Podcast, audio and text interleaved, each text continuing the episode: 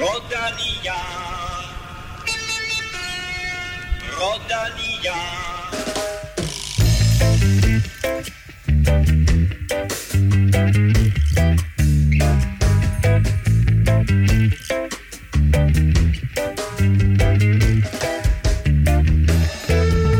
Jonas Vingegaard kørte rigtig hurtigt i Baskerlandet rundt, og lidt længere nordpå, ligesom tilfældet var i Flandern rundt, så fik vi et historisk hurtigt Paris-Roubaix, hvor Mathieu van der Poel viste, at hans form også er historisk god. Hermed velkommen til endnu en episode af Velropa Podcast, hvor Elming stadig holder påskeferie på den anden side af jordkloden. Så med mig her i studie 11, der har jeg jo heldigvis stadig Stefan Djurhus. Mm. Velkommen til dig. Tak. Stefan, øh, endnu et dramatisk monument. Øh, levede Paris-Roubaix op til dine forventninger?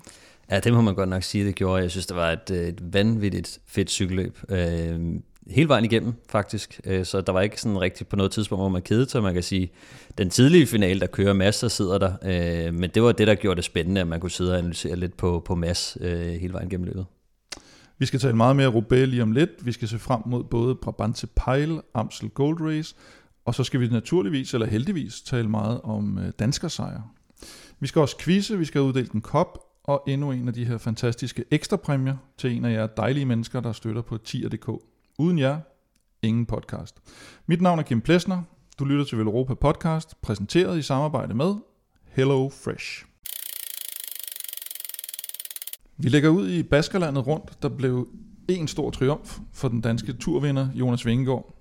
Tre etappesejre i bjergene, en samlet sejr, løbets pointtrøje. Det blev øh, bundlinjen, da Jonas han kunne lade sig hylde på podiet med den her traditionelle baskerhue, der klæder, der klæder alle.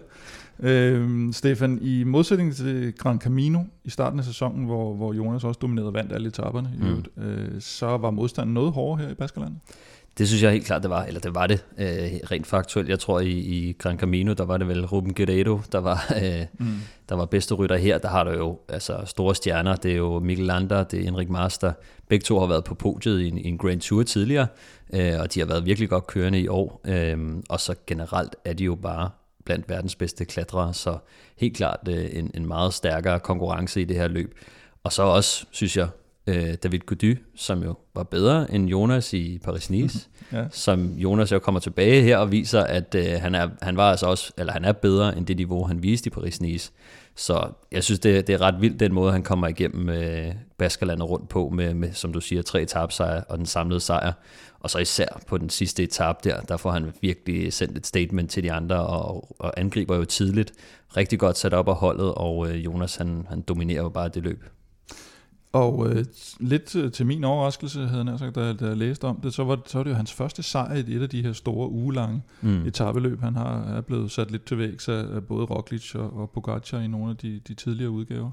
Uh, sidste år der blev han kun nummer 6 i Baskerlandet rundt i forberedelsen til det, der, der endte med at blive en tursejr. Mm. Vi har talt meget om det her styrkeforhold mellem Pogacar og Jonas Vingegaard efter Paris-Nice, hvor hvor, hvor Vingegaard jo blev, blev den lille. Hvor, hvor efterlader det os nu efter, efter ja. Baskerlandet rundt? Hvad er status på barometeret? Jamen, jeg synes, at det er meget mere balanceret nu, hvor at jeg synes, at Pogacar havde en klar en, en fordel efter hans øh, hvad hedder det, store resultater her hele året indtil videre jo. Øh, så synes jeg, at Jonas han, efter Paris-Nice også, at han kommer tilbage nu og viser, at, øh, at, at han er altså virkelig øh, stærk her, klart bedre end, end alle de andre, så der er ikke rigtig nogen tvivl om, at han er super stærk kørende.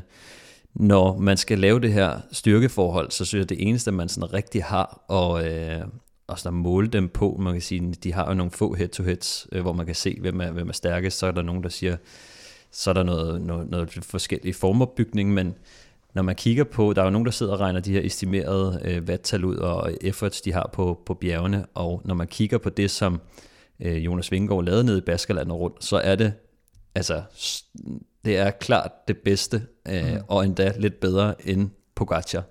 Øh, så på den måde, jeg ved godt, estimeringer er, er en ting, øh, der er alle mulige faktorer, der kan byde ind, men bare det, han viser, at han har det niveau, er ret vanvittigt. Og da jeg sad og kiggede, der er sådan den her øh, Isua-stigning øh, på, øh, på sidste etape, der kører Jonas Vingegaard 7,5 watt per kilo i lidt over 11 minutter. Øh, og det er bare sådan, selv hvis det ikke er sådan helt præcist, så har han kørt i omegnen af det, hvilket er fuldstændig vanvittigt. Mm. Altså for dem, der, der kender en lille smule om vattal, kan måske prøve sådan lige at tage deres vægt, gange det med 7,5, og så overveje, om de kunne hvor længe de kunne køre det, ja. øh, men jeg tror ikke, de kunne holde det i noget, der minder om, om 11 minutter. Men det, som jeg synes, der var endnu sjovere at kigge på, det var på fjerde etap, at var der en stigning, der hed La Asturiana, og der kørte Jonas 7 watt per kilo i cirka 16,5 minut. Og det er lidt hurtigere øh, og lidt længere end det Pogacar han kørte på Col d'Ise i Paris-Nice, der hvor at han dominerede løbet, satte Jonas til vægs. Så man kan sige, det kan også være svært at samle en stigning og sådan noget, men når man mm. bare kigger på cirka den kraft, du skal have for at køre så stærkt, så har Jonas bare lige nu vist, at han kan godt køre med på det niveau, som Pogacar har, og han har også, endda også gjort det en lille smule bedre.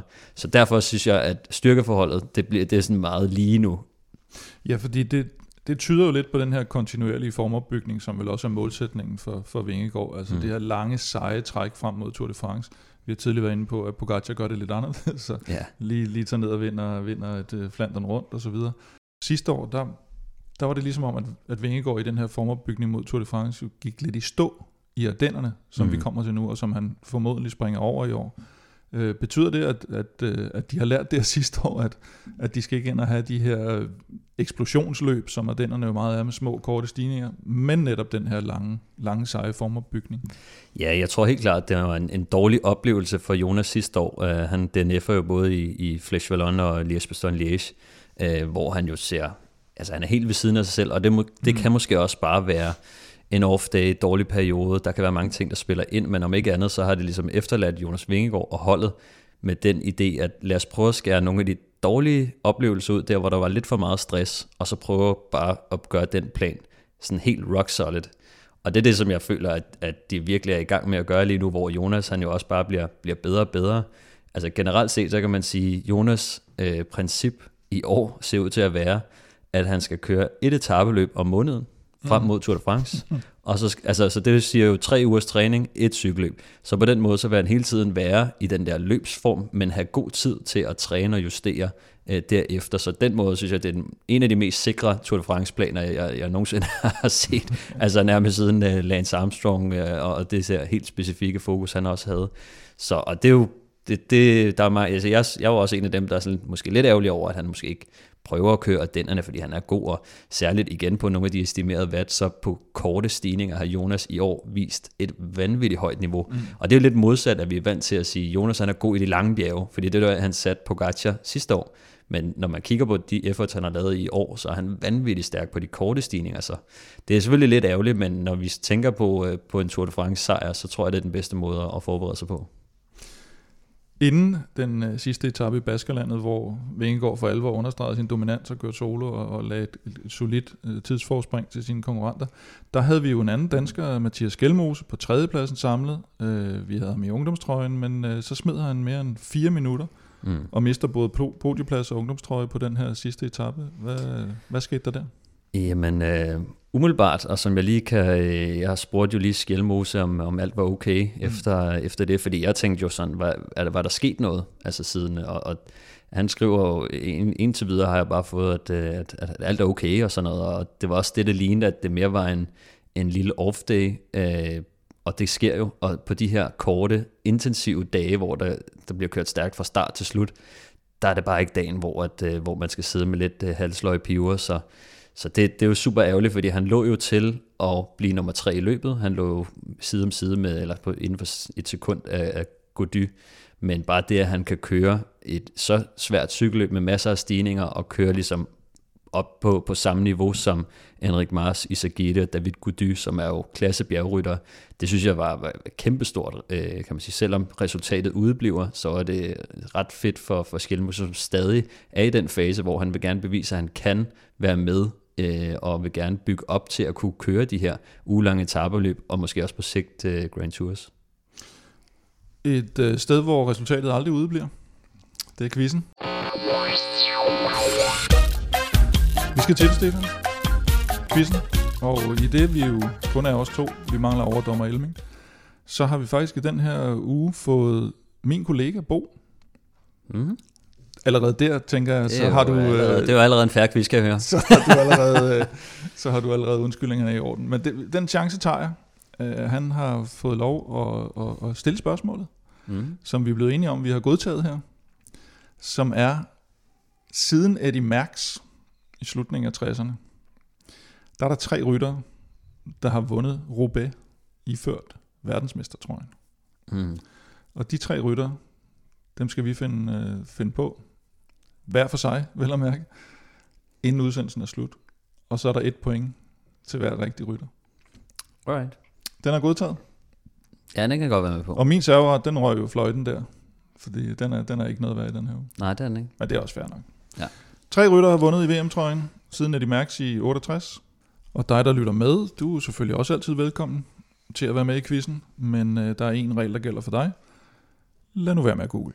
Et voilà, Mathieu Van Der Poel remporte l'édition 2023 de Paris-Roubaix en solitaire. Mathieu van der Poel vandt en storslået udgave af Paris-Roubaix, har du konstateret i vores øh, indledning.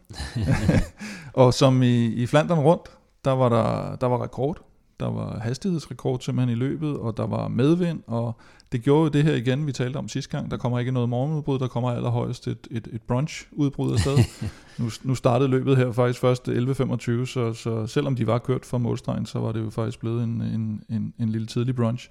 Øhm, det første, der sådan sker af alvorlige begivenheder, kan man sige, det er jo, at øh, Jumbo de lidt tager fusen på de andre store favoritter, de andre store hold, eller de fleste af dem i hvert fald, ved at angribe på den her sektor inden Arnberg, mm. og ikke på selve Arnberg. Øh, Degenkolb, Kyng, Van der Poel, de er vågne, da, da Laporte han kører med Van Aert på, på hjul. Mads P., Garner og nogle andre, de bliver, de bliver lidt sat her, og øh, er det jo opmærksomhed fra deres side, eller er det simpelthen bare god taktik fra Jumbos side? Jo, altså jeg synes, det er jo, det er jo, det er jo smart nok af Jumbo, at de, de rykker på, på sektionen inden Arnbergsgården, men det er ikke sådan, at det er et genialt træk, vil jeg sige. Altså sådan, det er nok, der er nok flere, der har tænkt på det der med, at øh, det kunne være meget fedt lige at komme lidt i forkøbet, ikke? fordi at der er jo altid positionskamp frem mod Arnbergsgården, men hvis de lige kan få lidt udskilling inden da, så er det mm. også øh, meget godt. Og de sad jo også med et par, par mand fremme, så, så meget smart gjort af dem, men det kræver selvfølgelig også, at man har styrken til altså at lave udskilning, ikke? fordi der er jo, det er jo klasserytter, der ligesom skal, skal sættes og, og lave sådan nogle huller. Øhm, så på den måde var det, var det jo ret godt. Det eneste, jeg synes var lidt mærkeligt, det var, at de ikke var sådan flere mand fremme. Ja, det var meget sådan dobbelt, dobbelt altså, fremstød med de to. Ja, så var det en Højdong, der lige var der i starten også, øh, da de, da de startede det ud, og så ellers så var det jo bare at lancere Laporte og, og Wout van Aert. Øh, så på en eller anden måde sad jeg og tænkte, hvor, hvor er altså Dylan van Baal, som kommer tilbage fra hans skade, hvor var han henne lige der? Altså var han bare ikke godt kørende? Jeg synes ikke, jeg kunne se, at han havde noget uheld, sådan lige umiddelbart. I hvert fald ikke før mm. Arnbergsskoven. Så han kommer ind i en dårlig position, og de har altså også tre andre hjælpere i, i Affini, Tim van Dijke og uh, Timo Rosen, som jeg også havde tænkt, måske er de ikke helt stærke nok til at, sådan at lave uh, den udskilning, og måske var de ikke rigtig til stede der, men det virkede som om, at, sådan, at hvis du skulle have gjort det helt perfekt, så skulle du have sat de tre mand til at give den fuld gas med de andre på, på smækken. Ikke? Mm. Øhm, men altså, det, det lykkedes jo fint nok for dem. De får de to mand med i finalen, som de gerne vil have med, øh, i hvert fald øh, ind til, til Arnberg. Men, men det du siger er lidt, at, at på forhånd har Jumbo jo det stærkeste hold på papiret. Mm. Og her, der, der spiller de jo faktisk det, den trumf af hånden, ved at de, de kører kun ja. med, med, med de to mand. De udnytter ikke, at de har bredden på holdet. Ja, jeg synes i hvert fald ikke, de, de kan man sige, om, om det bliver afgørende i sidste ende, ved jeg ikke. Altså, men, men jeg tænker i hvert fald, at hvis, hvis de lægger en plan, så må planen være, at det er hjælperytterne, der skal lave arbejdet frem til Arnbergsskoven. Og så kan det godt være i Arnbergsskoven, at man siger, så flytter jeg lige, og så er det Laporte og Wout van Aert, der går først ind.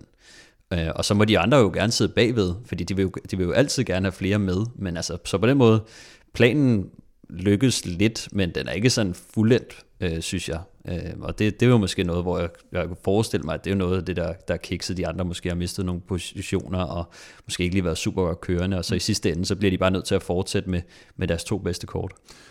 Og som vi netop talte om i vores øh, optakt i sidste uge, så er Arnbergsskoven det her første fikspunkt. Det er det første med fem stjerner, per V med fem stjerner. Og det er der, hvor man kan tabe Paris-Roubaix. Mm. Man kan ikke rigtig vinde det, og, og vi så, at der var nogen, der tabte Paris-Roubaix der. Du, du er selv inde på Dylan van Barle mere vigtigt for et dansk synspunkt, Kasper Askren, som allerede har haft en punktering, har ligget og kørt sig op, kommer lige tilbage inden Arnbergsskoven, og så ligger han der igen, sammen mm. med Van Barle, og de kommer lidt, øh, lidt mere alvorligt til skade. Det må man sige. Altså, jeg tror nu, at Askren er blevet syet øh, på, på hagen, ikke? Øh, men, men ellers så tror jeg ikke, der var noget sådan galt med, med, med ham. Altså mm. ikke noget brækket øh, kravben eller arme og ben. Så, så altså, kan man sige, i bund og grund lidt heldigt, at han slipper fra det med, med, med lidt på hagen der, men, men det er jo super uheldigt uh, for, for Askren, han styrter der. Han var jo allerede på bagkant, altså og havde været det i lang tid. Mm. Da han får den punktering, så undrer jeg mig meget over, at holdet ligesom ikke sætter nogen ned til ham. Øhm, og så prøvede jeg sådan at lytte lidt til, hvad sagde de selv bagefter, og øh, Patrick Lefebvre sagde jo også, at om Askren så fik han hjælp af, af Florian Seneschal, men det gjorde han jo kun, fordi Seneschal selv punkterede. Og så var de ligesom i samme båd, ikke? Ja. Altså, ja. men, men jeg synes, altså det er lidt satset det der med, at man siger, jamen, det er altid lidt en afvejning, sådan skal man sætte andre gode hjælperyttere ned øh, efter en, en, en stjerne, øh, fordi så kan det ende med, at de bare sender hele holdet ud af cykelløbet lige der, hvis det ikke lykkes. Øhm, og kan Askren måske bare køre et stabilt tempo og få lov til at komme tilbage i finalen, så, så har man måske spillet de kort øh, lidt bedre. Men når man sidder og kigger på øh, Quicksteps hold, så er der i, i mine øjne ingen, der sådan reelt havde en chance øh, for at være med, eller har i hvert fald vist, at de kunne være det. Altså ud over Askren? Ud over Askren. Ja. Han er det eneste lyspunkt på det i den klassikertrup, og han kom endda fra, kan man sige, en, en lidt skidt start og kørt sig i bedre og bedre form. Jeg synes ikke, man har set noget specielt fra Yves Lampard, selvom han måske var det næstbedste kort. Øh, mm. Så ham vil jeg måske ikke sende ned, men alle de andre vil jeg have sådan, jamen, altså, kør ned til, ja. kør ned til ham, hvis, hvis de er der, ikke? Og de mister, øh, Van Leerberge har været styrtet der, og Ballerini har de allerede mistet på ja. det tidspunkt, tror jeg. Øh, så, så det er et ramponeret hold. Og igen, de kommer helt tomhændet ud af den her Sydal ja, Quicktips øh, forår. Det, det har jo mere eller mindre været i laser. Det har været en, en lidt en pinlig omgang, øh, særligt hvis man tænker på, øh, altså den selvforståelse, der også er, øh, mm. både for, for, for dem selv, men også som vi har forstået, øh, det hold, som jo har været det klart mest succesfulde hold i, i klassikerne, øh, brostensklassikerne især, ikke, over de sidste mange år, at de så fuldstændig har tabt pusten. Øhm, ja, i år kan man sige, der havde de en skidt omgang, og den bliver så bare til, til et mareridt i år, ikke? Så ja. bestemt ikke noget, som, som de kan være tilfredse med, men jeg ved ikke helt, hvad, hvad, hvad de skal gøre. Jeg, jeg synes, vi, vi snakker om, skal de ud og hente nogle nye ryttere? Øh, mm. Jeg kan også huske Stagehøj, en, øh, han, øh, han interviewede også Patrick Lefebvre efter løbet, hvor han også spurgte nogle af de spørgsmål, og, og han tøvede lidt på, på det der med, at, øh, at altså, det er jo selvfølgelig en skuffelse, men de har selvfølgelig også haft en masse uheld, men nu har de været ramt af uheld sådan kontinuerligt i to år. Ja. Og, og på et eller andet tidspunkt, så, ej, på et eller andet tidspunkt, så må man også tænke sig, er det fordi vi sidder dårligt? Har vi det forkerte udstyr? Har vi de forkerte ryttere? Altså, hvad, hvad, hvad skal der ligesom til? Og det mm. tror jeg, nu må Patrick Lefebvre altså til at, at, at gøre i landet. og jeg tror, Askren er jo selvfølgelig en, en stabil rytter, og en af dem, de skal fortsætte med at bygge videre på. Men jeg tror, de skal prøve at kigge på, altså, hvor finder de ligesom de næste talenter? Kan de stjæle nogle geniale rytter? De har jo hentet en som Ballerini ind, der har egentlig gjort det godt for dem. Øh, men, men de skal have flere af de der typer ind på holdet. Der er nok ikke nogen tvivl om, at Sudal Quickstep nok er forårets taber, hvis man ser det sådan i, i stor sammenhæng på, på, i, i brostens-sæsonen, mm. i, nu hvor vi er på vej ind i Ardennen.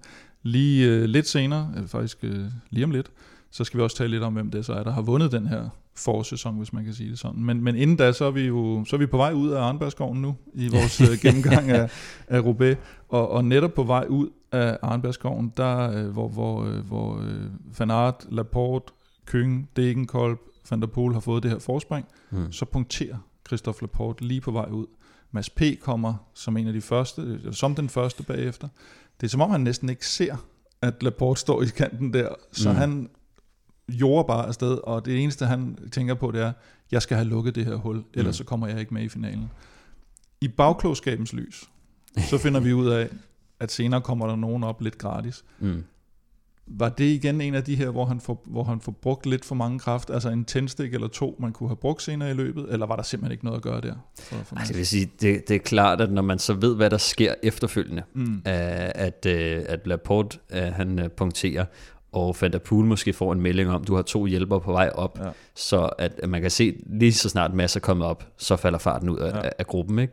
Øhm, men jeg vil til gengæld vil jeg sige, jeg vil ikke sige, at det var et dumt move af, af Mads. Nej, for han får jo ikke de her meldinger. Han kan jo ikke se fra, Nej, hvor han sidder. Altså, det, der er det, så meget kaos der på vej. Det er altid nemt at være, være bagklog, og når ja. man kan analysere et cykelløb på den måde, hvis man vidste alt, hvad der ville ske, så kunne man jo dosere sine kræfter meget bedre. Ikke? Jeg vil sige, normalt, når en gruppe med Van der Poel, Wout van Aert, Kyng er der, Mm. Degenkolb er jo sådan lidt mere speciel i forhold til, sådan, hvordan man lige regner for ham. Men når Wout van Aert, Kyng, Van der Poel er kørt, så skal du bare lukke det hul, ja. så hurtigt du kan. Og det er det, Mads han, han jo gør. Altså, så jeg vil sige, selvfølgelig bruger han nogle kræfter på det, men det er jo ikke fordi, de andre ikke havde brugt kræfter på at lave det hul.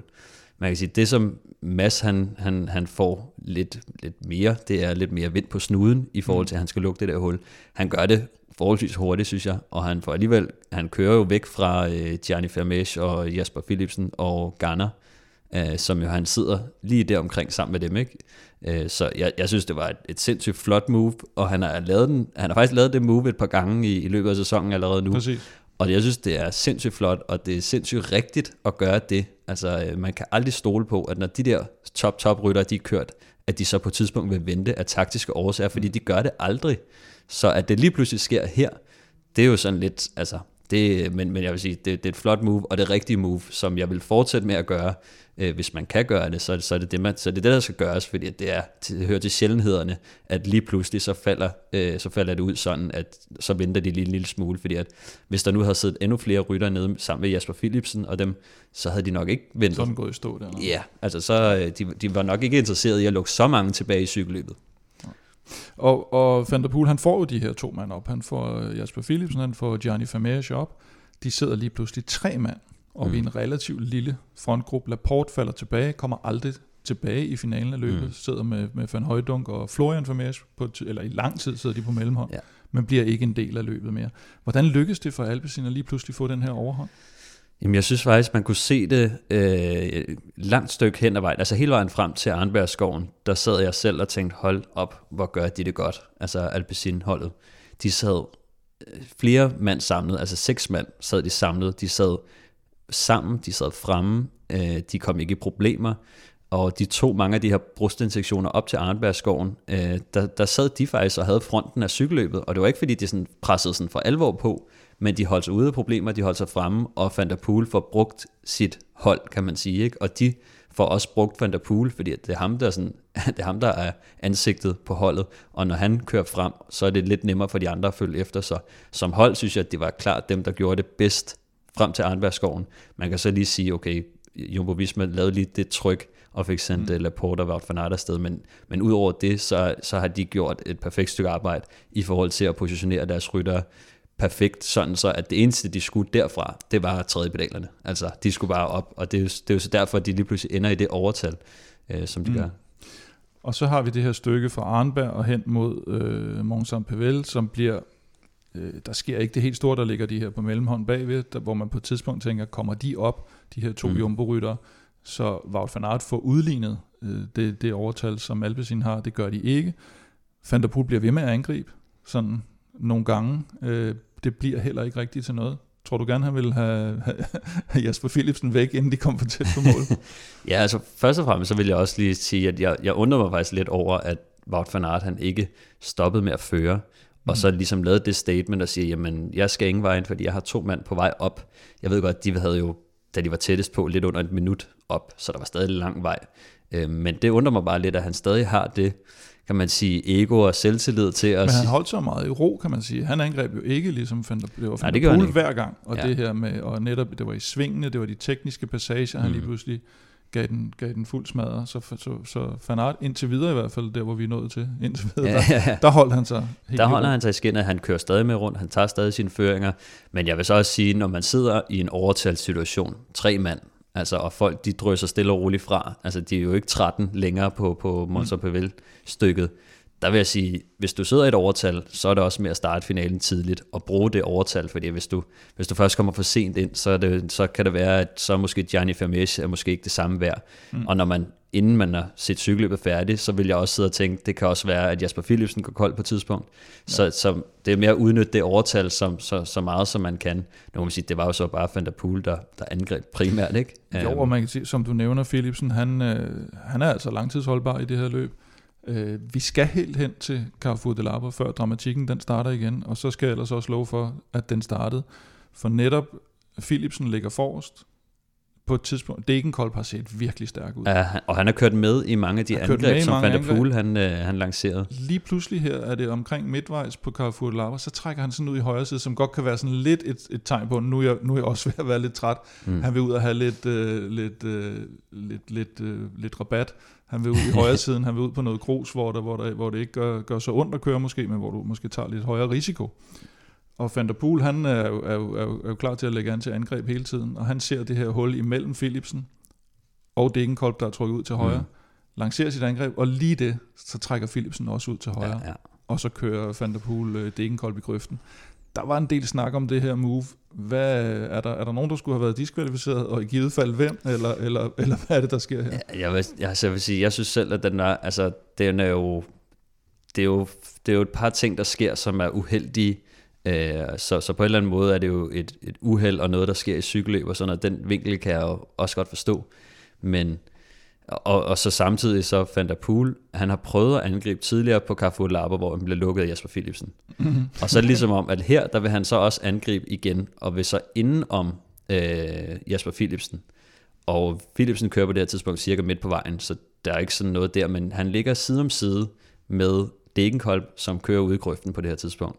Og så er det, han, sådan, han, han gerne vil trække frem og ligesom ind foran, øh, altså øh, Degenkolb også, ikke? Jeg ved ikke, om han vil ud i, i grøften der, men han vil i hvert fald gerne forbi. Og så, han vil i hvert fald gerne frem. Og Philipsen, han, øh, han trækker jo så ud, som også er sådan en ting, som jeg tænker, at når man kører på brostener i de her cykelløb, så kan man godt sådan være over det hele på vejen, og man søger ofte, hvis man ser et eller andet lille hul, eller en skæv brosten, eller et eller andet, så prøver man lige at undgå den.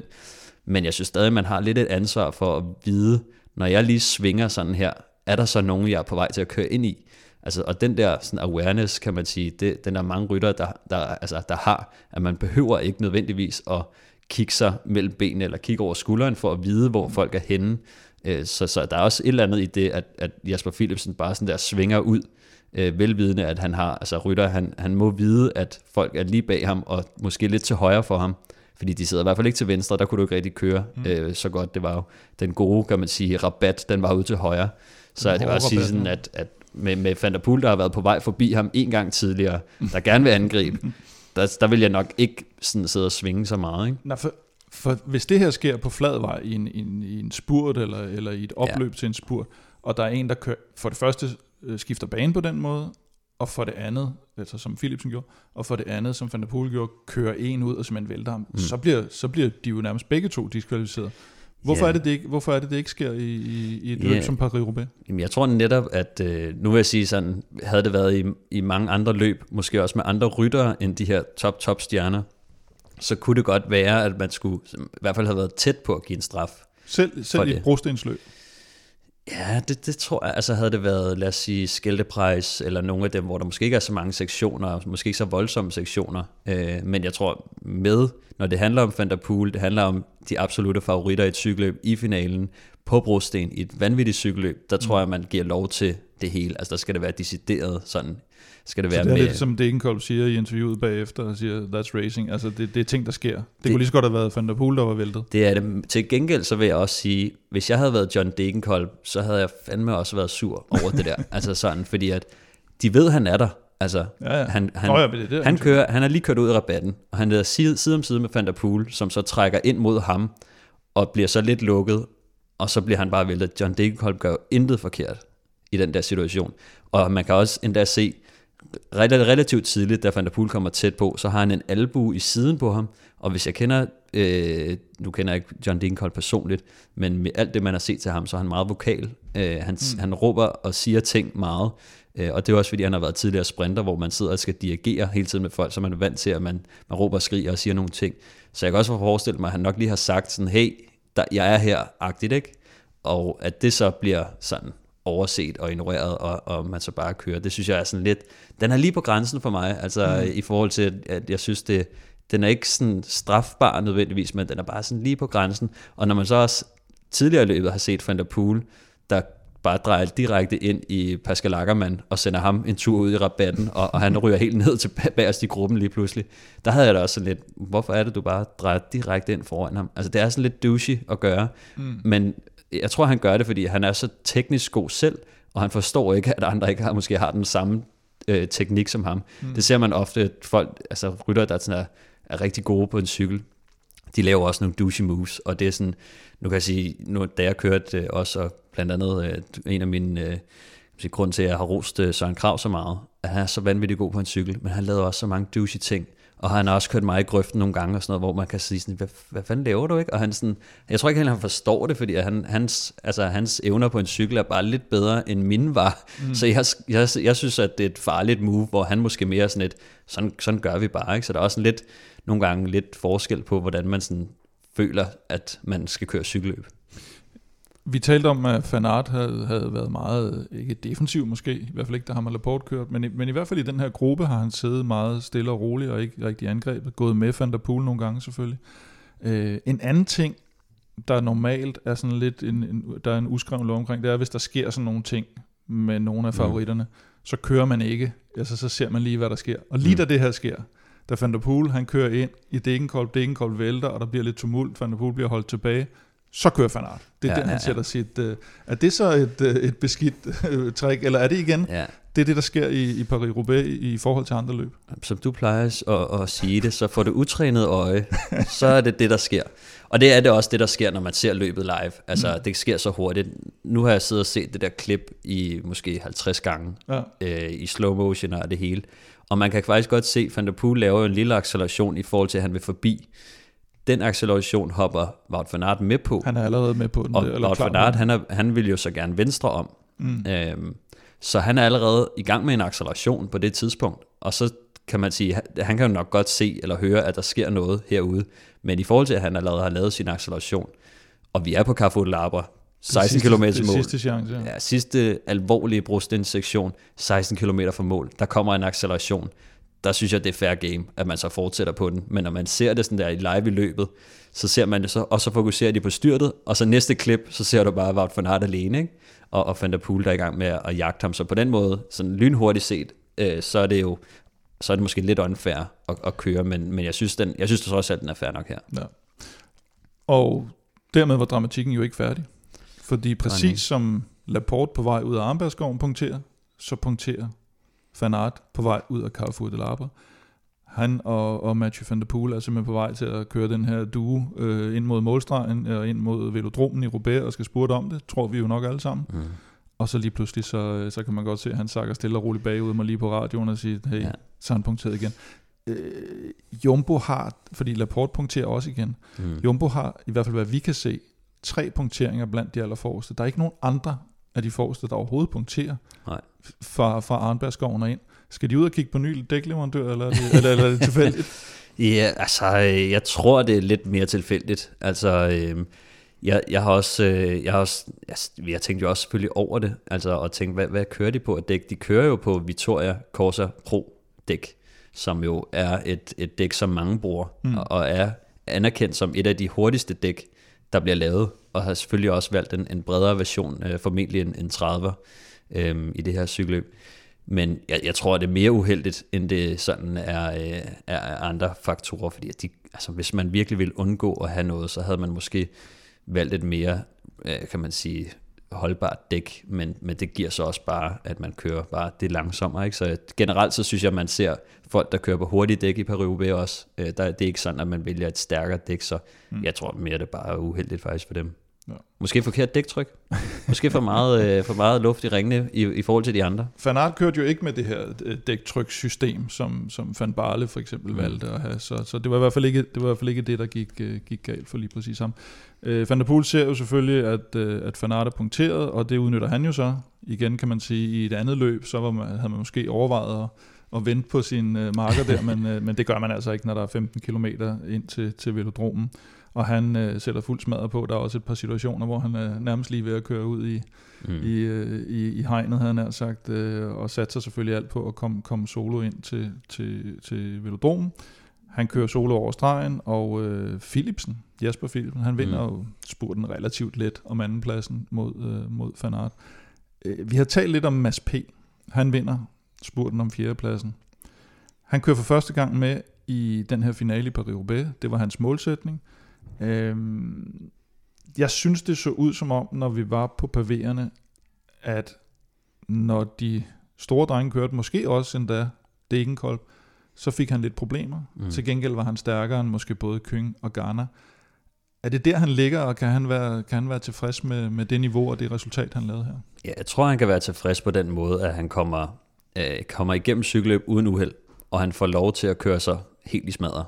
Øh, og at kræfterne så ikke rækker til mere end det, øh, det, det, det kan man jo kun være tilfreds med. Altså det værste er jo, når der sker et hav af ting, som man synes er uheldigt, og det koster en masse kræfter, øh, så føler man jo, at det var ikke det resultat, som, som jeg havde ben til. Mm. Og det er jo, kan man sige, altid nederen. Men her, der får, der får Mads et, et, et super godt Roubaix, og at han så bare ikke har kræfter til at følge de bedste til allersidst, det, det er, hvad det er. Så, så, men fireplads er stadig kæmpe stort han kan, og han kan vel ikke gøre noget andet? Han kan ikke køre det anderledes? Jeg synes ikke, han, han kunne køre det anderledes. Men der er jo den detalje ja, ja. Med, med det hul, han skulle lukke tidligere, hvor man kan sige, havde det nogen betydning? Øh, jeg vil sige meget lille. Og, mm. og, han, og taktisk, så synes jeg ikke, han gør noget forkert. Det er kun i bagklogskabens lys, hvis man siger, havde han lige haft en, den lille smule kræfter mere, så kunne han måske have fulgt øh, Jasper Philipsen og Wout van Aert, da, da van Aert rykkede. Mm. Men igen, så vil jeg sige, altså, det, det, det er så det er marginalt, at... øh, Men herligt at have ham med i en final og, ja. og, og godt at og, og have med derop og topresultater. Han kunne lige så godt være blevet nummer, nummer to, eller nummer fire, eller nummer seks. Det er jo ikke, det, det er jo ikke, det er ikke sådan. Men hvis man ser på, på mulighederne for at vinde et Paris-Roubaix, når Van der Poel, når Van Aert er med, mm. det ser jo lige pludselig sådan lidt, lidt svært ud. Han, altså der, i, I Roubaix kan du ikke rigtig lege den her gemmeleg, altså som du måske kan lidt i Flandern, hvor der er lidt flere taktiske muligheder, mm. komme ud på forkant, og, og, og som han gjorde i Flandern rundt. Paris-Roubaix er jo det her hårde, at der, der får, får Mads P. jo ikke lov at få tre minutter lige pludselig til, til dem. Hvordan skal han vinde Paris-Roubaix, ja. når, når de her to er der? Jeg synes, der er rigtig mange muligheder for ham. Med, det, med den styrke, han har her, der synes jeg, der er mange muligheder i forhold til at kunne vinde Paris-Roubaix. Der er altså, vi kan starte med at sige, Van der Poel og Van Aert er på et historisk øh, højt niveau, og har haft, altså, øh, du ved, begge to vanvittige sæsonstarter og støvsuget det hele. Øh, så at de rammer det der vanvittige topniveau endnu en gang, måske endnu bedre end de tidligere har været, øh, det, er jo selvfølgelig, det er jo selvfølgelig svært. Altså Mads kan nok også fintune ganske få ting, og måske lige lægge mm. et år mere på, blive lidt klogere måske. Og, men det, hvor jeg også tænker, det er, havde han haft en holdkammerat, eller to med, så havde det åbnet op for nogle muligheder. Havde han haft uh, Jasper Støjven med til Som at... punkterer i, uh, i Arnbergsskoven. Ja, nu, og måske er Støjven lige i år heller ikke ja, på det niveau, som, som, som han, altså på sit bedste niveau, men der er det mulighed at have en holdkammerat med, have noget taktisk at spille med, så er der også de muligheder i at, at gribe et moment, vi så han gjorde det i Flandern, altså at lave, at lave et, et, et ballsy move og, og køre til det bedste han kan. Altså, det er, Men også... er, det ikke, er det ikke sværere i Roubaix i Flandern umiddelbart? Øh, er det, og, og skal, du ikke, skal, du ikke næsten, skal du ikke næsten med i det der morgenudbrud, der så får lov at få lidt luft? Ind, at, Ej, det, det synes jeg ikke nødvendigvis, men man, jeg vil sige, give dig ret i, at når du først er kommet igennem Arnbergsskoven, og du angriber, så er folk vaks ved havelån. Ikke? altså, det er ikke sådan, at du får lov til at køre der, men det er så det, hvis du nu har, øh, hvis du nu har nogen, hvis du kan sende støjvind ud en gang, og så rykke på mm. skift mm. og sådan noget, så kan det godt være, at du kan, du kan skabe en situation, hvor at, at, øh, at, at du kan få mere ud af dine egne kræfter, ikke? fordi du ikke selv behøver hvor, at, at lukke alle huller, der bliver der Og hvor bliver de to store, Van Aert og Van der Poel, skal bruge deres kræfter på at lukke Klar, huller, i stedet for at angribe, angribe, angribe. Klar, som jo masser er jo en, en meget forsvarende position ja. gennem hele cykelløbet, øh, fordi at han, han skal først lukke hullet op til de her gutter, og så sidder han, så, så sidder han jo blandt, blandt folk, altså nu kan man sige, der var tre Alpecin-rytter, ikke? Mm. men, men ja, så vil jeg også sige, altså hvis, hvis Mads han altså, har en lidt bedre dag, de andre har en lidt dårligere dag. Altså, vi har jo set en masse, han kan slå med en spurt. Altså, ja, ja, præcis. VM, der, sat, der gik Van der Poel kold, og han har slået Fanart i en, en spurt direkte. Så vi skal have og, lidt, lidt uh, dårligere vejr. Jeg vil sige, det er, bare sådan, det, det, er, ja, det er så små ting, der ja. gør, at han, han, han ikke kan følge dem til sidst. Øhm, så, så med det udgangspunkt, han har nu, altså der vil jeg sige, de næste par år, der har vi en, en, en mand, som, som helt sikkert kan kæmpe mere om sejren, så, og, og du ved, så er det bare cykelløb, ikke? og det er... Øh, det er Roubaix, så alt, alt kan ske. Altså, mm. øh, så, så, så på den måde, så, så ser jeg lyst på, på mulighederne for Mads. Og Mikkel Bjerg havde vi jo faktisk også lidt, øh, lidt forventninger til, det tror jeg også han selv havde, efter mm. at have kørt rigtig godt i foråret her, og han havde jo ikke Pogacar med. Vi skal slet ikke, tænke, vi skal slet ikke begynde at tale om, hvis først Pogacar begynder at køre Roubaix, hvor svært det så bliver for, for de andre at vinde. Øh, han kommer i mål som nummer 40, Mikkel Bjerg, øh, men faktisk i samme tid som Alexander Kristoff, der bliver nummer 15. Det vil, øh, det vil godkendt, selvom vi ikke så så meget til Mikkel på, på, på ruten. Ja, helt vildt. Jeg synes, det er virkelig godkendt. Altså, måske havde han nok håbet på en top 20, altså, og det tror jeg også, han kunne. Han bliver 15 i Flandern. Øhm, og han, som vi også har, har talt om tidligere, 6 i, i Gen hvor han kører et, et vanvittigt flot cykelløb også. Han, altså, kan man sige, han kommer jo ikke ind i de helt rigtige positioner heller, og han har måske heller ikke den der øh, turbo, som der sættes på, når, når Wout van Aert, Van der Poel og de helt store, de rykker på sig. Vi skal stadig huske, at Mikkel Bjerg, han er en, en, en tung, bumstærk rytter, der er vant til at føre lang tid, og tid, altså også øh, enkeltstartsrytter i, i bund og grund, ikke? eller det der, han tidligere har gjort det godt, og der, der skal man, kan man sige, der, der er lidt mere sådan dieselhakker over, mm. over Mikkel stadig, øhm, og, og på den måde, så bliver cykelløbet måske heller ikke lige hans, men når han så selv også siger bagefter, at, at, at han havde egentlig et okay cykelløb, øh, det var selvfølgelig, selvfølgelig at det ikke alt, der går perfekt, men altså han følte ikke, at, at, at der var ben til meget mere end, end det der, øh, lige på dagen i hvert fald. Men, men jeg vil sige, at han har fået smag for det, og han har haft nogle rigtig store resultater i år. Det kan godt være, at han, han begynder at kigge mere den vej nu, og, og, og blive bedre til at, at køre de her klassikere. Og så kommer der et meget stort spørgsmål til dig, Stefan. Ja. Uh, vi har de her to store, Mathieu van der Poel, Wout van Aert. Nu er der gået et forår mere. Uh, van der Poel, han har nu vundet uh, Milano Sanremo. Han har vundet Flandern to gange. Han har vundet Roubaix. Han har haft en gule trøje i turen. Han har vundet en turetappe. Han har vundet Amstel Gold Race. Han har vundet Brabantse Pejl, Strade Bianche, Dvarsdorf Flandern to gange. Og han har vundet VM i cross fem gange. Ja. Er han større end Wout van Aert, der har vundet Milano Sanremo, Amstel Gold Race, 2-1-3, Strade Bianche, Omloop, mm. Gent Wevelgem, ni etappesejre i turen, både bjergetapper, Champs-Élysées, enkeltstarter, har haft en grønne trøje i Paris, og ikke mindst vundet Danmark rundt i 2018. Ja. Og så har han tre VM i cross. Hvem er, altså, hvem er størst af de to? Jeg vil sige, kigger man kun på monumenter, klassikere, så, så vil jeg nok sige, at Van der Poel er en, en større rytter. Ikke? Øh, men, men jeg vil sige, med, med Wout van Aert, det der med grøn trøje i Tour de France, og ni etapsejre i turen, øh, enkeltstarter og bjergetapper og sådan noget, der, det, det fandme også voldsomt. Ikke? Altså, det, mm. han kan ikke vinde en bjergetap, som Wout van Aert har gjort. Mm.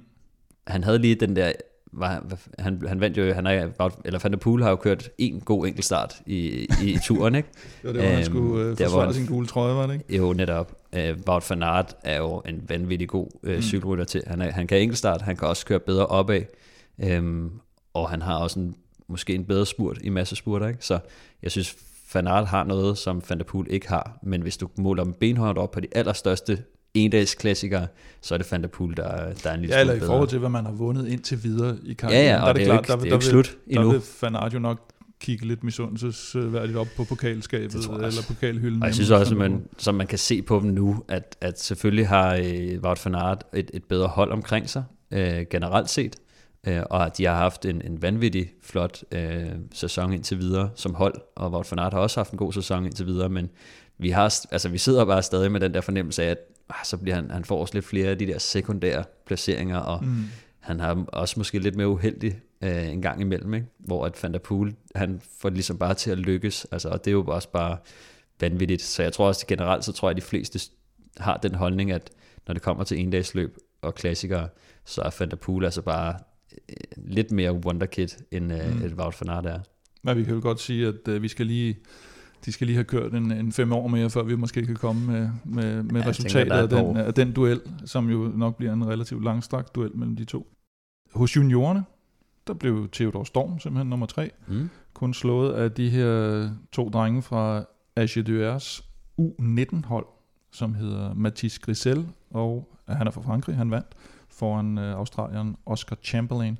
Hos kvinderne, der vandt Alison Jackson for EF Education noget sensationelt Paris-Roubaix. Øh, det blev kørt i lørdags. Mm. Øh, der holdt udbruddet simpelthen hjem. Det store udbrud holder hjem.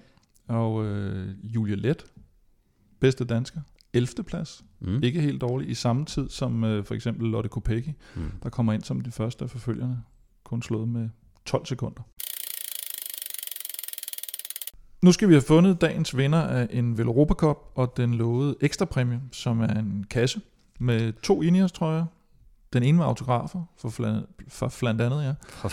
Jeg har flanderne rundt på hjernen stadigvæk. Ja, ja, ja. For blandt andet Egan Bernal og Dylan van Barle. Øh, okay. Et par bibshorts, en drikkedunk, autografkort, en podiecap, en, fan var der mere, der var en slynge, øh, ligger der faktisk også i kassen. En, en god ven af huset har, har afleveret sådan en, en kasse, der stod på min øh, dør en dag øh, uden for min dør. Det er så, en øh, flot så pakke. Det, det er noget af en pakke, ikke? Og øh, vil du deltage i de her lodtrækninger fremover, så er det ret nemt egentlig. Du, du går bare ind og støtter os på tier.dk. Beløbet er valgfrit. Du donerer hver gang, vi udgiver en ny podcast. Når du donerer, så deltager du løbende i lodtrækningen om en kop og andre fede præmier. Som den i dag. Og Stefan. Vi skal have fundet ud af, hvem der har vundet. Koppen vi skal først. Have vundet. Jeg tager koppen først, og øh, jeg har lige trukket lod om det, og øh, vinderen af koppen hedder Kultur Jesper. Mm-hmm. Det er meget... Øh, det, det er et godt navn, du det finder. Det er et god, godt navn her, og, og Kultur Jesper har jo så også været med på podcasten her i ja, to og et halvt år, vil jeg sige. Oktober Fedt. 20. Ja. Øhm, tillykke til, til Jesper. Og Ineos-præmien, den er helt store her, der har vi øh, også en, der har været med i, i, i ja, faktisk i tre år nu. Og det er Henrik Pagård. Pågaard. Pagård. Hold da op. Pagård Pågaard. Mm. Ineos-præmie. Stort tillykke til ham. Og øh, for alle øh, vores lodtrækninger, der gør vi det sådan, at for hver femmer du donerer, så får du et lod i puljen. Det vil sige, hvis du donerer 20 kroner for eksempel, så har du fire lodder og så videre. Større beløb, jo, større, øh, jo flere lodder og større chance for at vinde. Du finder linket på velropa.dk og på tier.dk. Vi siger mange tak for støtten til alle, der har været med i tre år og to og et halvt år og hele tiden, og øh, ikke mindst stort tillykke til Jesper og Henrik Pagård Pågård. Inden vi går videre til optakten på Amsel Gold Race, så skal du ikke snydes for flere danske sejre. Det var ikke kun Vingegaard, der vandt i løbet af ugen. Øh, inden vi går til danskersejren, så skal vi lige forbi sprinternes sidste brostensløb, der blev kørt i onsdags. Skælteprice, og det blev en ventet favoritsejr til Jasper Philipsen, som vi jo mm. så rigtig meget til os her i går. Ja, hold kæft, hvor har han været god. Altså, ja, øh, det vil jeg bare sige. Altså, øhm, og giver jo et helt nyt, ja, nu vil jeg ikke tale for meget Rubé, men, øh, men hold kæft, hvor har han været vild.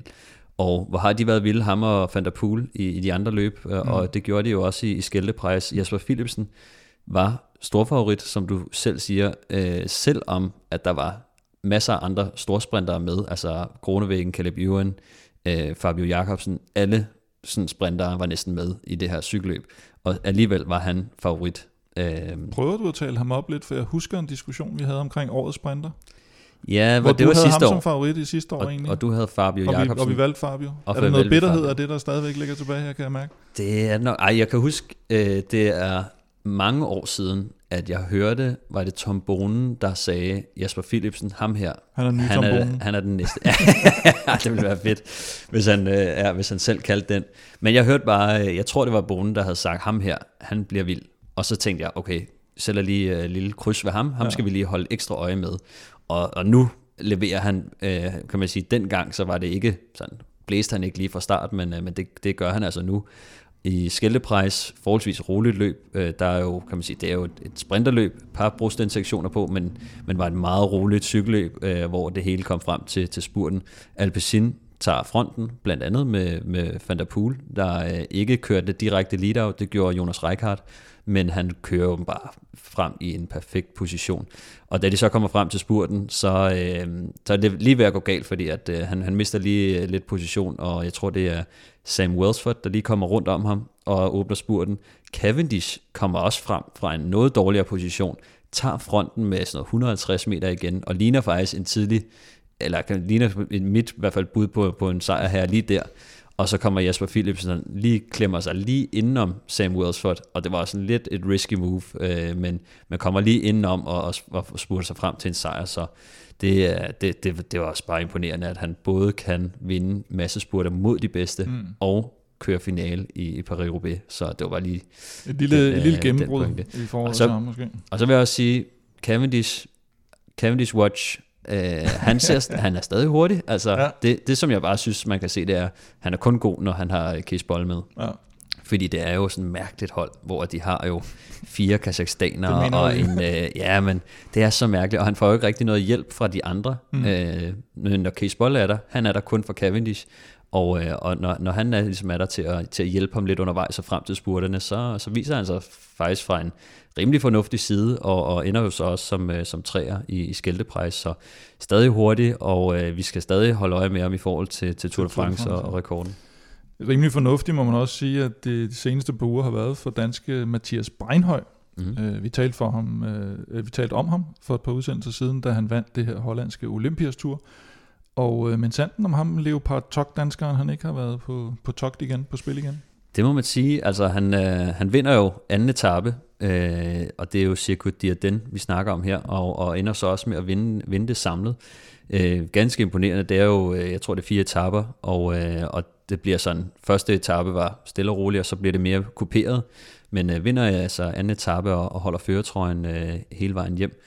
Og det er, det er super stærkt gået af Mathias Breinhøj, der nu har vundet øh, to sådan relativt store UCI-løb, men, mm. men selvfølgelig på en, en lavere kategori, og ikke noget øh, monument og, og kæmpestort, men stadig stort at vinde UCI-løb, og, og lidt sjovt, at øh, Leopard Togtholdet, eller som det tidligere også hed Rival, de øh, har vundet det her cykelløb øh, fire gange i streg nu. Øh, første gang med, med Alexander Kamp, og så to gange med Lukas Eriksson, som så de to rytter, begge to, er skiftet over til, til Tudor, øh, Cancellados hold nu, men, øh, men, men at, at kan man sige, det hold kommer tilbage og vinder det her cykeløb endnu en gang, det, øh, det synes jeg er ret blæret.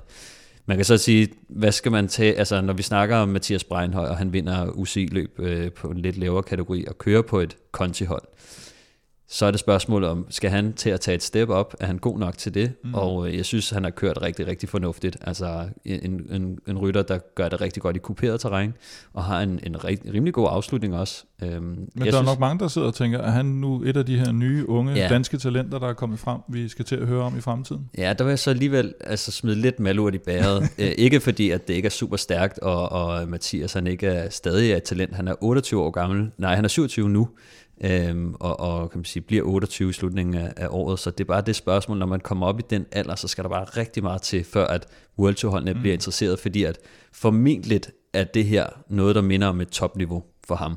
Hvis, det var, hvis han nu havde været øh, 22 år, så er der masser af World Tour hold, der havde stået i kø for at, for at signe en rytter som ham. Så det er store resultater, men når man bliver lidt ældre, så begynder det bare at blive lidt svært. Til gengæld så tror jeg sagtens, at han kunne være øh, interessant for nogle af de her pro-conti-hold, eller hvad der nu hedder Pro Teams. Pro Series Teams, ja, bare, Pro Teams. Bare Pro Teams, ja. Pro teams. Øhm, så, så bestemt fornuftigt for ham, og, og på konti-niveau, der kan man kun skrive etårige kontrakter, så han går nok en lidt sjovere øh, kontraktforhandling i møde lige nu, hvor forhåbentlig han kan komme op på måske et hold, som Tudor faktisk øh, kunne være interesseret i en rytter som ham. Som vi fortalte i seneste Vil Europa podcast, så fik Michael Valgren comeback i et fransk etabeløb med et meget langt navn. Som jeg kan se, at nogen heldigvis er begyndt at bare Jamen. kalde Region Tour. og det synes jeg er fedt, for mellem region og tour, der ligger der sådan en, en 6-8 franske navne. Skal jeg give den et skud? Ja, prøv, prøv at give den et skud. Uh, region Pays de la Loire Tour. Var det ikke svært? Ja, det tror jeg ikke. Men det, Men, det, det, det kan være, at øh, øh, hvis Elming var her, som kan en lille smule fransk, så havde han nok slået mig i hovedet nu. Så, Men, øh. så, så var det blevet, så var det blevet rettet sat. øh, lidt, lidt som forventet, så handlede det jo selvfølgelig for Valgren om at, at komme godt igennem løbet og hjælpe nogle holdkammerater, og, øh, og, og det gik også efter planen. Men øh, så var der lige pludselig en anden dansker, der viste, der viste fladet.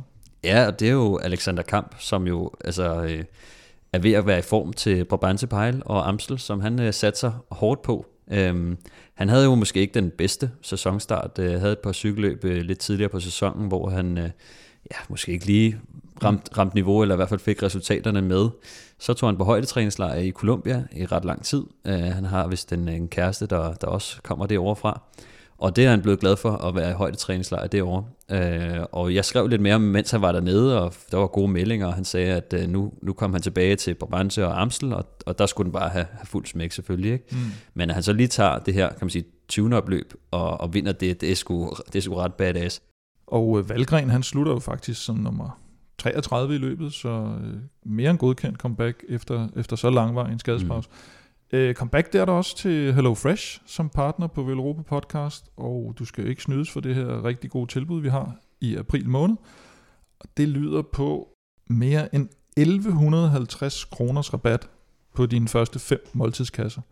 Og uh, ikke nok med, at uh, det er dig, der ikke har prøvet det endnu, der kan gøre brug af det her tilbud. Det er også, hvis du ikke har haft Hello Fresh i de seneste tre måneder. Altså hvis du har haft prøvet før, holdt en lille pause, så hvis du bruger koden Fresh Veloropa, når du går ind og bestiller dine øh, måltidskasser, så får du altså 1150 kroner i rabat på de første fem måltidskasser. Stefan, øh, hvad har du fået i den forgangne uge?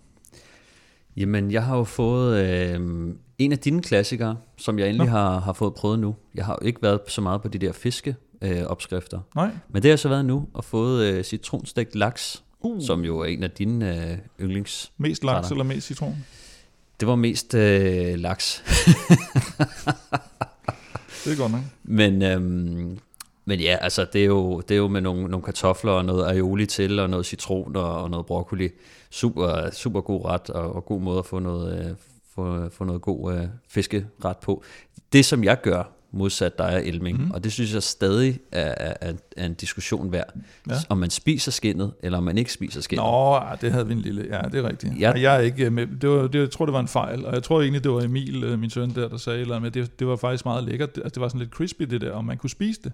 Ja. Og Elming så brød ind med, at øh, hvorfor man ikke... Altså, det gør man selvfølgelig, og man spiser det som, nærmest som, som chips. Som, som, så, som så det, er lidt en, det er lidt en beef mellem uh, dig og Elming, tænker som, jeg. Som skinnet på en kylling, så, så, så lapper han det i sig. Ej, puha. Det, det, er, ikke, det er ikke for mig. Men, uh, men nu, vi, nu vi taler om Emil, så bor han jo han bor hver anden uge hos sin mor, og så bor han hver anden uge hos mig, sådan cirka i hvert fald. Han er jo blevet så gammel, så, så, så vi kører det sådan helt... Uh, øh, helt øh, straight der. De, kan, men, andre kan heller ikke holde ud så lang tid ad gangen. Så det. præcis, præcis. Øh, og der, gør de, der ved jeg nemlig, at de gør det, at så når Emil ikke er hos, øh, hos sin mor, så, så holder de lige en pause. Det kan man jo inde på, på HelloFresh-appen. Mm. Og så holder de simpelthen pause de, øh, med HelloFresh i, i de uger, hvor han er hos mig. Springer du så også over i de uger, hvor Emil er hos, øh, hos sin mor eller noget? Nej, der spiser jeg bare dobbelt. der spiser jeg bare dobbelt portion. Det er klart. Ja, det, det gør jeg også en gang imellem faktisk. Nå, hvis du også øh, vil have, om du vil have dobbeltportion eller, eller single portion, så går du bare ind på hellofresh.dk. Du benytter koden FRESH så får du de her 1150 kroners rabat på dine øh, første måltidskasser. Alle ingredienserne kommer i afmålte portioner. Ingen madspil. Super nemt at rydde op. Det er både Elming og Stefan og jeg er glad for. Det kan vi i hvert fald mm. Øh, blive enige om. Vi skal videre til øh, optakten til Amstel Gold Race, som lovet. Øh, og inden vi går til, ja, det, det, er egentlig så meget sagt, fordi inden vi går til Amstel Gold Race, så er lige det her lille mellemparti, øh, der kommer på, allerede på onsdag, øh, Pro Series løbet, Brabantse Pile. Det er sådan en slags, dels lillebror, lidt en bastard mellem brostenssæsonen og den sæson, for den ja. har lidt af, af begge dele. Mm. Ja, det er det jo. Altså man kan sige, det er jo på en eller anden måde øh, et, det første Ardennerløb, som ikke er i Ardennerne godt nok, men øh, bliver kørt øh, uden for, lige ud for Bruxelles i Belgien. Øhm, og det er jo, kan man sige, den der øh, første åbner inden de tre store, som jo så er Amstel, Flèche Wallonne og øh, Liège-Bastogne-Liège. Men det er jo et løb, som du selv siger, der har lidt en blanding af det hele. Det er lidt mere øh, den terræn, kan man sige, fordi der er rigtig mange øh, stigninger, eller cuts, som de også øh, kaldt. Nogle af dem har brosten på, men det er ikke sådan nogle, mm. vi snakker ikke Flandern rundt og sådan noget brosten. Øh, lidt, pænere, lidt pænere cykelløb, kan man sige, men, men klart over i, i, øh, i Ardenner-agtigt.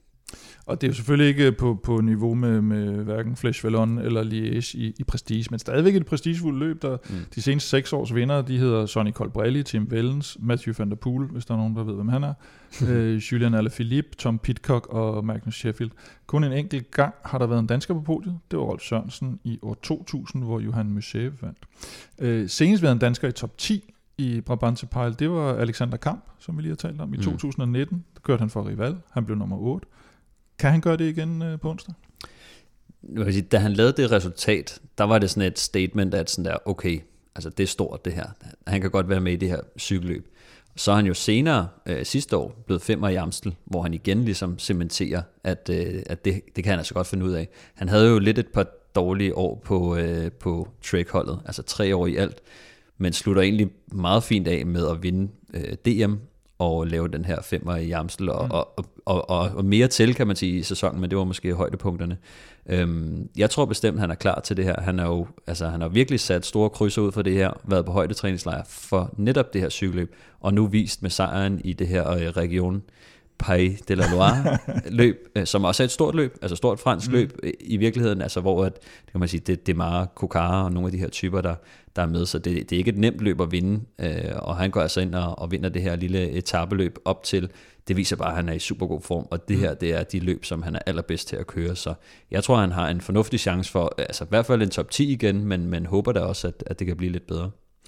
Og som du selv nævner, eller ikke, det nævnte du egentlig ikke, men han er også på startlisten i Amstel Gold Race med, hvad der lige nu ligner, ni danskere i alt på, på den startliste. Det, det er selvfølgelig ikke officielt endnu. Mm. Og som du sagde, han blev lidt sensationel nummer 5 sidste år. Er han vores bedste bud i år i, øh, i fadelsklassikeren, som jeg godt kan lide at kalde uh, Amstel? Ja, altså han er et godt bud, synes jeg. Altså, han har vist, at han, han kan køre med i toppen før.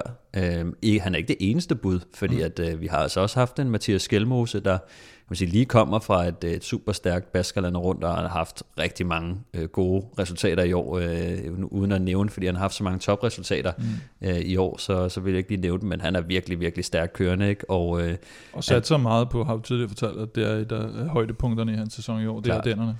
Og jeg synes også, at han sådan, hvad han har vist indtil videre, viser han bare, at han er sindssygt god til at køre de her kuperede endagsløb. Øhm, han blev også øh, nummer tre i det her Grand Prix Indurain øh, for ikke så længe siden hvor vi havde en anden dansker, som også var rigtig god, Andreas Kron, som også har specialiseret sig, kan man sige, de her øh, klassikere kører på, på lottoholdet. Øhm, ham glæder mig rigtig meget til at se også. Så de tre navne, øh, og så lige Søren Krav oven i hatten. Øh, jeg ved ikke, hvor han lige er henne, men har mm. formentlig taget sig en lille pause og, og kørt sig i form til, kan man sige, og den ugen. Øh, jeg udgik jo af Flandern og var lidt forkølet, øh, ja. havde haft lidt sygdomsperiode der. Et lille spørgsmålstegn med ham, ja. men man kan sige, med de resultater, altså blev femmer i Milano Sanremo, nier i, øh, i, i E3, viser jo, at han har det niveau, som der skal til øh, for at være med i sådan et cykelløb også. Og så har vi jo Mikkel Honoré formentlig også, men, øh, men ja. han har et lidt par, par, par store navne, han, ja. han måske kommer til at stå lidt i skyggen af på, på EF. Det er klart, altså med Nielsen Paulus, der har været virkelig, virkelig godt kørende, kan være, at han får en lidt mere fremtrædende rolle øh, i forhold til Mikkel. Øh, Richard Carapaz øh, er formentlig også med, og øh, kan man sige, de to ryttere vil jo formentlig også køre deres egen chance, og, og måske være lidt prioriteret. Mikkel har egentlig også været okay kørende her mm. på det sidste, synes jeg, vi har set mere til ham begynder måske at ramme og finde melodien her, og øh, jeg håber selvfølgelig også, fordi det er også et løb, som han også kan. Han er jo også en af dem, som, øh, som er rigtig gode til, til de her klassikere og, øh, og kuperet terræn. Men måske kan det være, at han bliver lidt låst af sine holdkammerater. Mm.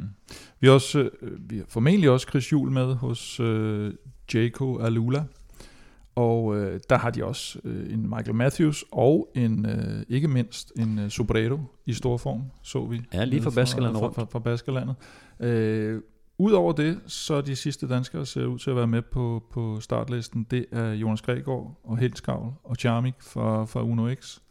Hvad, hvad tænker vi om deres? Øh, er det Johannesen, en af Johannesen brødrene, ja. de kommer til at køre for? Eller? Ja, jeg forestiller mig, at det, det lidt kommer til at handle om ham. Men jeg vil så også sige, at øh, Tobias Johannesen jo havde noget knæproblemer øh, mm. øh, tidligere på sæsonen, hvor han var lidt et spørgsmålstegn og, øh, og skippede nogle, nogle cykelløb nok. Så altså, hvis han ikke er, er, i, er i stor form, men som jeg hørte det også fra, øh, fra jeg snakkede med Gregor tidligere på, på sæsonen, hvor han også sagde, at altså, han er bare sådan en, altså han kører bare altid stærkt, men han havde så kan man sige, nogle, nogle problemer, som gjorde, at han, han var en lille smule ude, så han kan jo være et spørgsmålstegn, kan man sige, men normalvis vil de nok køre for ham. Siden Michael Valgren han vandt Amstel Gold Race i 2018, der er der kørt tre udgaver af løbet, og det er med følgende tre vinder, Mathieu van der Poel, hvis der er nogen, der ved, hvem han er, hmm.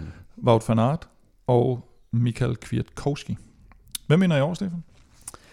Jamen, uh, det er svært at sige andet end uh, Tadej Pogacar, når han stiller op til et cykelløb, uh, især med sådan et her, hvor at, uh, han er også god til at køre kuperet cykelløb, desværre. og uh, Ja, med den form, han har vist i år, øh, kommer han med, med cirka samme form, som han har haft øh, tidligere i år, øh, så, øh, så tror jeg, han vil være øh, stor favoritten, og skulle man smide alle sine penge på, på én rytter og have bedst chancer for at vinde, så vil jeg mm. nok også øh, snuppe ham. Ja, og også i forhold til at de to andre her, Van der Poel og Van Aert, som tidligere har vundet det, mm. er, jo ikke, er jo ikke med i år og har netop kørt øh, både, både Roubaix og, og Flandern rundt, ja. og det, det bliver nok lige lige for hårdt for dem. Man kan jo sige, hvis vi kigger på Van der Poel og Van Aerts sejre, så var det jo også nogle relativt spek- spektakulære.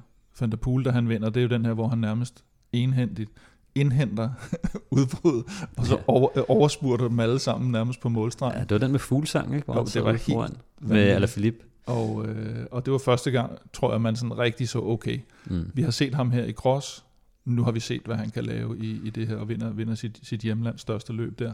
Og Van Aert, det var jo den øh, famøse målstregsgate med, med Tom Pitcock, Ja, hvor der nærmest til, til dato er tvivl om, hvem der har vundet. Selvom Amstel Gold Race, det hører til i det, vi kalder Ardenner-ugen, og Mm. vi også lige før vi har fået puttet øh, Brabantse Pejl ind i den, så, øh, så køres løbet faktisk ikke i Ardennerne, ligesom Brabantse Pejl heller ikke gør. Øh, Det gør Flesh Wallon og Liège Bastogne Liège selvfølgelig, men øh, Amstel Gold Race, det køres i den sydlige del af den hollandske region, der hedder Limburg, der ligger sådan lidt øst for Maastricht. Øh, For folk, der har været dernede af, så er det den her lille hollandske tange eller hale, der, der sådan går ned imellem Belgien på, på vestsiden og, og Tyskland på østsiden, og altså ligger lige nord for Ardennerne. Mm. Men uanset om det er i Ardennerne eller i Limburg, slaget skal slås, så er det nogenlunde samme type rytter, der skal prøve kræfter med den 57. 20. udgave Amstel Gold Race over 252,8 km fra Maastricht til Berg Interbleit, tror jeg det hedder, hvor der afsluttes med to omgange. Hvad bliver de væsentligste udfordringer på, på den her rute, Stefan? Ah, der er så mange. del. øh, altså, der er jo øh, 33 stigninger, og øh, mest kendt, vil jeg sige, det er nok den her Kauberg-stigning. Ja. Øh, den er jo ikke super problematisk i sig selv, men der har været mål på, øh, på toppen eller lige efter øh, i, i nogle år, og har jo været, kan man sige, en af de mest kendte stigninger. Det var en super flot stigning. Den var kun 800 meter lang, 6,5% i snit, bred vej, øh, fin vej, så det er ikke sådan en, hvor man tænker, sådan hold da fest, det er en kæmpe udfordring, men det er jo bare en af de mest kendte stigninger i, i Men den har man jo flyttet, fordi det blev sådan lidt for afgørende, eller hvad skal man sige, det Ja. blev lidt for definitivt, at det var den samme, lidt ligesom Flash Vallon, Mm. det er den samme type rytter, der vinder hele tiden. Så flyttede man den til, at, at det ikke bliver det afgørende, eller helt Ja, afgørende. netop. Altså, vi har jo set, øh, desværre har det været sådan et waiting game frem til den sidste stigning. Vi så jo også det år, hvor at, øh, Valgren han, øh, han, han vandt. Øhm, og, eller vil jeg sige nærmest året før, øh, hvor at, øh, var det Gasparotto, der vandt øh, en spurt foran øh, Valgren. Og han kommer hjem ja, med, med, Ja. med... Men ja, okay, øh, men jeg synes, det er ret fedt, at de har faktisk, at, at fordi de gerne vil gøre løbet mere spektakulært og have et federe cykelløb, har de flyttet målstregen væk fra Kauberg. Ja. Øh, og det, det kan jeg egentlig meget godt lide, at man sådan rent underholdningsværdimæssigt bare siger, vi laver lidt om på cykelløbet for at gøre det mere spændende simpelthen. Og det har de jo så lykkes med, synes jeg også selv. Øhm, men øh, Kauberg skal de jo over to gange. Øh, første gang med 80 km igen, hvor man siger, der starter finalen sådan cirka, øh, eller derfra, så begynder det i hvert fald at blive rigtig spændende. Pogacar ved man aldrig rigtigt. Nej, præcis. Det kan, det, kan være, det kan være langt længere ude også. Øhm, og så sidste gang, så rammer, sidste gang de rammer Kauberger med 24 km igen. Men jeg vil sige, der, hvis man skal holde øje med nogle momenter, øh, så vil jeg sige, Kreuzberg øh, med cirka 50 km igen, det var der, vi så sidste år Ineos, de virkelig gik frem og, og satte pres på øh, og, og skabte en, en splittelse.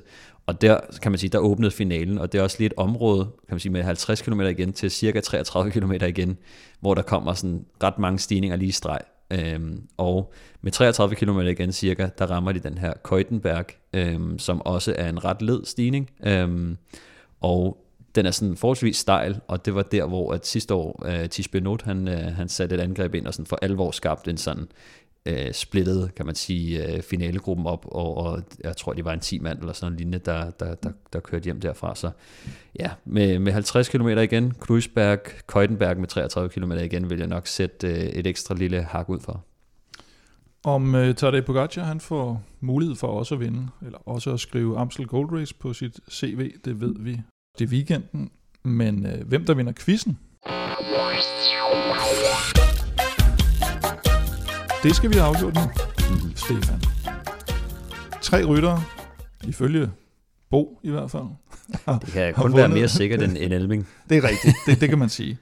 Øh, tre ryttere skulle have vundet VM, eller skulle have vundet Paris-Roubaix, iført VM-trøjen, siden Eddie Merckx gjorde det i 1968. Mm.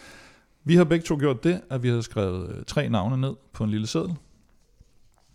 Skal vi, øh, skal vi læse navnene fra toppen, eller hvad, hvad skal vi gøre? Fordi vi, der er jo ikke noget med serveret eller noget. Vi, så kan vi se, Nej. hvem, et, et point per navn får Ja. vi hver. Stillingen er 5-4 til dig inden, så det kan blive... Det Har kan du blive resultatet? Ja, det, det har jeg i hvert fald. Så det, det kan vi tjekke lynhurtigt umiddelbart okay. efter, så Godt. vi ved, hvem der har hvor mange rigtige. Men øh, jeg synes, du skal starte. Jeg lægger først ud. Den første, jeg har stående, det er Peter Sagan. Mm-hmm.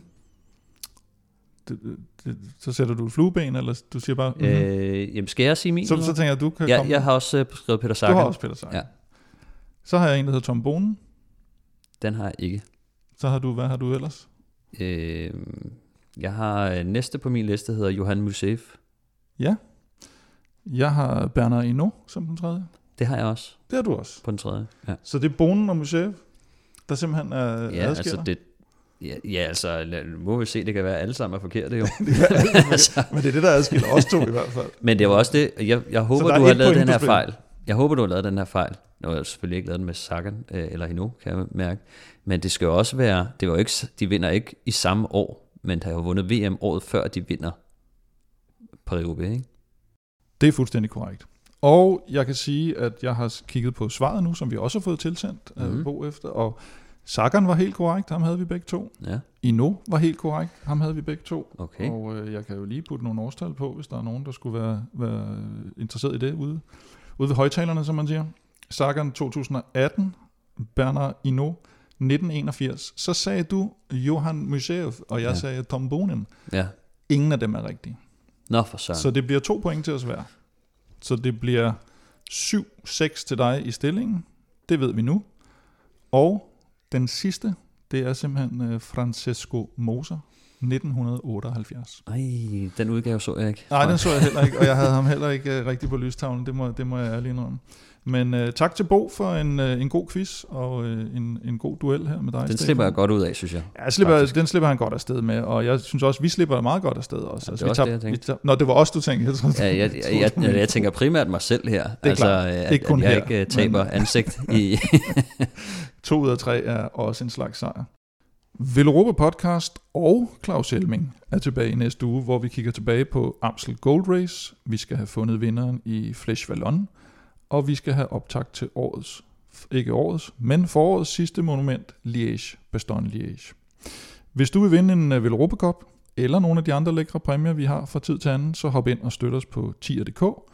Husk også, Stefan, mm. der er gang i salget. Månedens t-shirt, april måneds t-shirt, Kvartemont, inde på shopvelropa.dk, En klassiker. hvis du, øh, hvis du er til sådan en klassiker. Og der er allerede kommet et par gode bud på, hvad maj måneds t-shirt øh, skulle være, men øh, dem, dem fyrer I bare ind på Twitter, hvis, det er, I har, I, hvis det er, I har sådan nogle gode idéer til det. Og indtil vi høres ved næste gang, så kan du nemlig følge øh, Velropa og undertegnet på øh, Snablag Velropa. Stefan finder du på Snablag Stefan Djurhus. Og Elming, den bortrejste, finder du på Twitter, Instagram, Facebook på snabelag NFL-ming. Tak for nu. Tak fordi du lyttede med. Tak til vores partner Hello Fresh og ikke mindst tak til alle vores støtter på tier.dk. Uden jer, ingen vel Europa podcast.